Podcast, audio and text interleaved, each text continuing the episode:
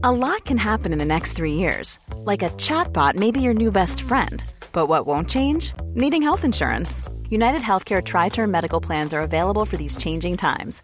Underwritten by Golden Rule Insurance Company, they offer budget friendly, flexible coverage for people who are in between jobs or missed open enrollment. The plans last nearly three years in some states, with access to a nationwide network of doctors and hospitals. So, for whatever tomorrow brings, United Healthcare Tri Term Medical Plans may be for you. Learn more at uh1.com.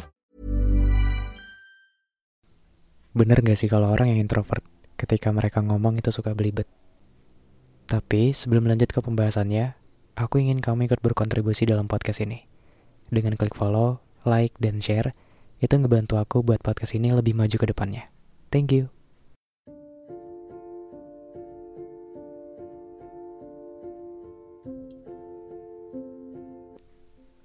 Aku ngomong berdasarkan sudut pandang aku yang sebagai introvert. Jadi kalau kamu sebagai orang yang introvert juga bisa disamain karena aku nyari poin-poin ini berdasarkan artikel yang aku baca. Jadi yang pertama, orang introvert memikirkan sesuatu itu sangat dalam dengan perasaan yang begitu dalam. Jadi contohnya gini, ketika seorang teman meminta pendapat si introvert tentang film, si introvert ini mungkin gak langsung ngeluarin pendapat. Sebaliknya, mereka yang introvert akan merenungkan film itu secara dalam. Mereka mungkin mempertimbangkan plotnya, mempertimbangkan karakternya, pesan dan bagaimana film itu mempengaruhi mereka secara emosional. Setelah pemikiran ini menghasilkan pandangan yang matang, baru kemudian mereka akan berbicara dengan analisis yang dalam dan rinci tentang film tersebut. Jadi kesan belibet ketika berbicara bukan karena kurangnya pengetahuan atau kebijakan dalam berbicara, tetapi lebih karena kecenderungan mereka untuk memproses segala sesuatu dengan sangat teliti sebelum mengungkapkannya kepada dunia luar kepada teman-teman yang tadi nanya film yang mau direkomendasiin. Nah, yang kedua, mereka yang introvert selalu merencanakan ucapannya. Jadi, ketika seorang introvert berbicara dalam situasi yang bising atau yang ramai, mereka mungkin mengalami kesulitan karena mereka lebih rentan terhadap gangguan suara dan aktivitas di sekitar mereka. Misalnya gini, kalau mereka mencoba berbicara dalam sebuah pesta yang ramai, dalam suatu acara yang banyak orangnya di dalam, mereka mungkin merasa lebih sulit untuk berkonsentrasi pada pembicaraan atau untuk mengungkapkan diri dengan jelas. Hal yang kayak gini itu dapat membuat mereka, si introvert, terlihat kurang ekspresif atau lebih terhambat dalam berkomunikasi. Yang ketiga itu kurangnya respon cepat. Jadi bayangin aja, introvert itu kayak peserta slow dance di dunia percakapan. Mereka introvert bukan tipe yang langsung nyelonong dengan jawaban atau komentar saat ada pertanyaan atau diskusi. Mereka lebih kayak mikir dulu sebelum nyebarin kata-kata mereka. Ini bukan soal malas atau kebingungan, tapi lebih ke arah pemikiran yang lebih dalam. Misalnya kalau ada di grup chat, di WA ya, ada yang nanya, kita reunian di mana nih enaknya? Nah si introvert mungkin gak langsung jawab, tapi mereka mungkin mikir, tempat yang cocok buat teman-teman aku semua ini di mana ya? Tempat-tempat yang ramah di kantong di mana ya? Spot buat foto nanti di mana yang bagusnya? Jadi nggak langsung ngeluarin pendapat tapi mereka mikir secara pribadi baru ketika kesimpulan-kesimpulan yang udah dibuatin udah ngerasa cocok baru mereka jawab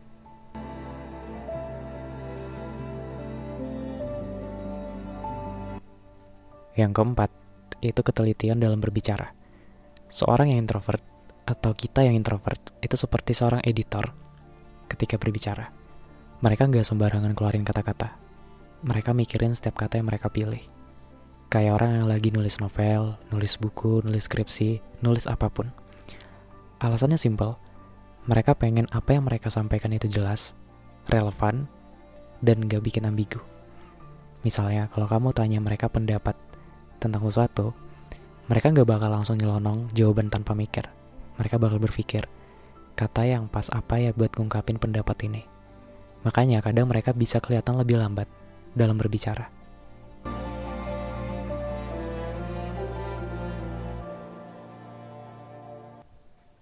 Aku jadi paham, dan aku ikut memvalidasi perasaan aku.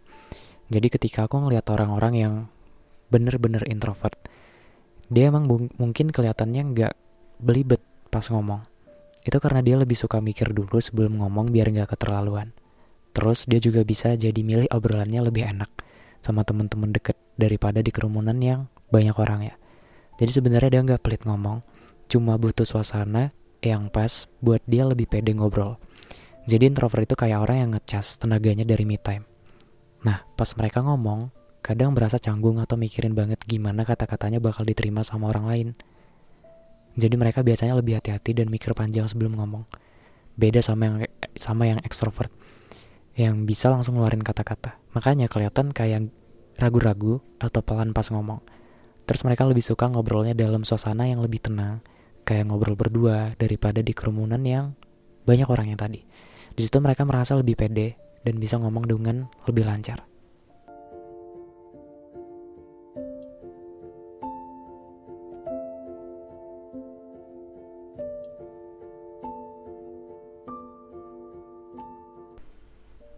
Dari sini aku juga belajar dan aku punya beberapa tips supaya kita si introvert ini eh, nggak uh, kaku-kaku banget ketika berada di suatu acara, di suatu kumpul-kumpulan keluarga, kita nggak jadi patung, tapi ketika kita diajak ngobrol, kita masuk ke obrolannya. Jadi ceritanya, pertama-tama, kita harus tuntasin rasa bersalah yang suka muncul saat kita lagi coba ngobrol sama orang. Kayaknya kita khawatir banget kalau kita ganggu atau bikin orang lain ngantuk Terus kadang kita merasa kayak lagi ngegampar mereka dengan ngobrol panjang-panjang. Tapi beneran nih, perasaan bersalah kayak gini sebenarnya cuma hayalan doang ya. Misal ya, kalau kita di suatu acara uh, atau kumpul-kumpul bareng temen-temen, ingat aja bahwa banyak orang lain juga ngerasa canggung dan belum berpengalaman. Mungkin mereka malah berharap ada yang ngejagain percakapan dengan mereka. Makanya jangan mikir kita maksa mereka buat dengerin kita. Malah dengan ngobrol duluan, kita bisa jadi penyelamat buat mereka yang lagi stuck dalam keheningan yang aneh-aneh.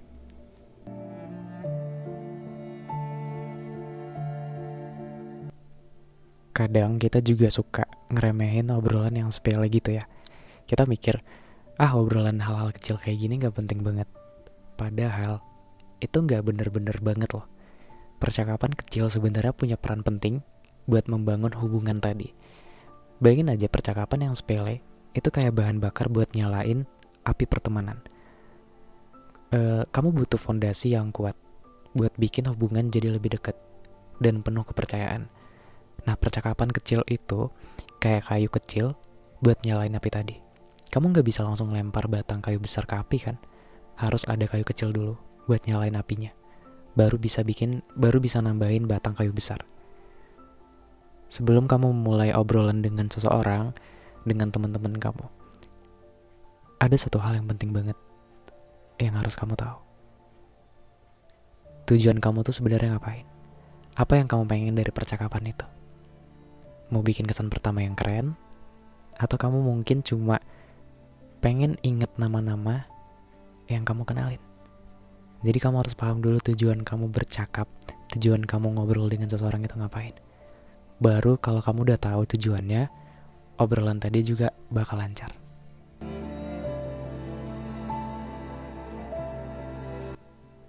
Tapi sebenarnya gak penting apa tujuan kamu.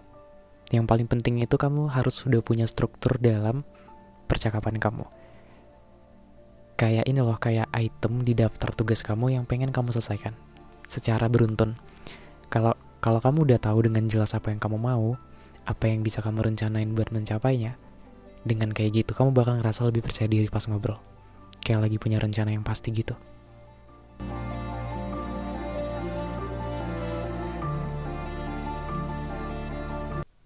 Oke, okay, Juna dari podcast Just Listen, terima kasih sudah mau mendengarkan podcast ini. Jika podcast ini bermanfaat, jangan lupa klik like, follow, dan share ke teman-teman kamu. Episode berikutnya akan lebih menarik, jadi nantikan episodenya. See you next time, bye-bye.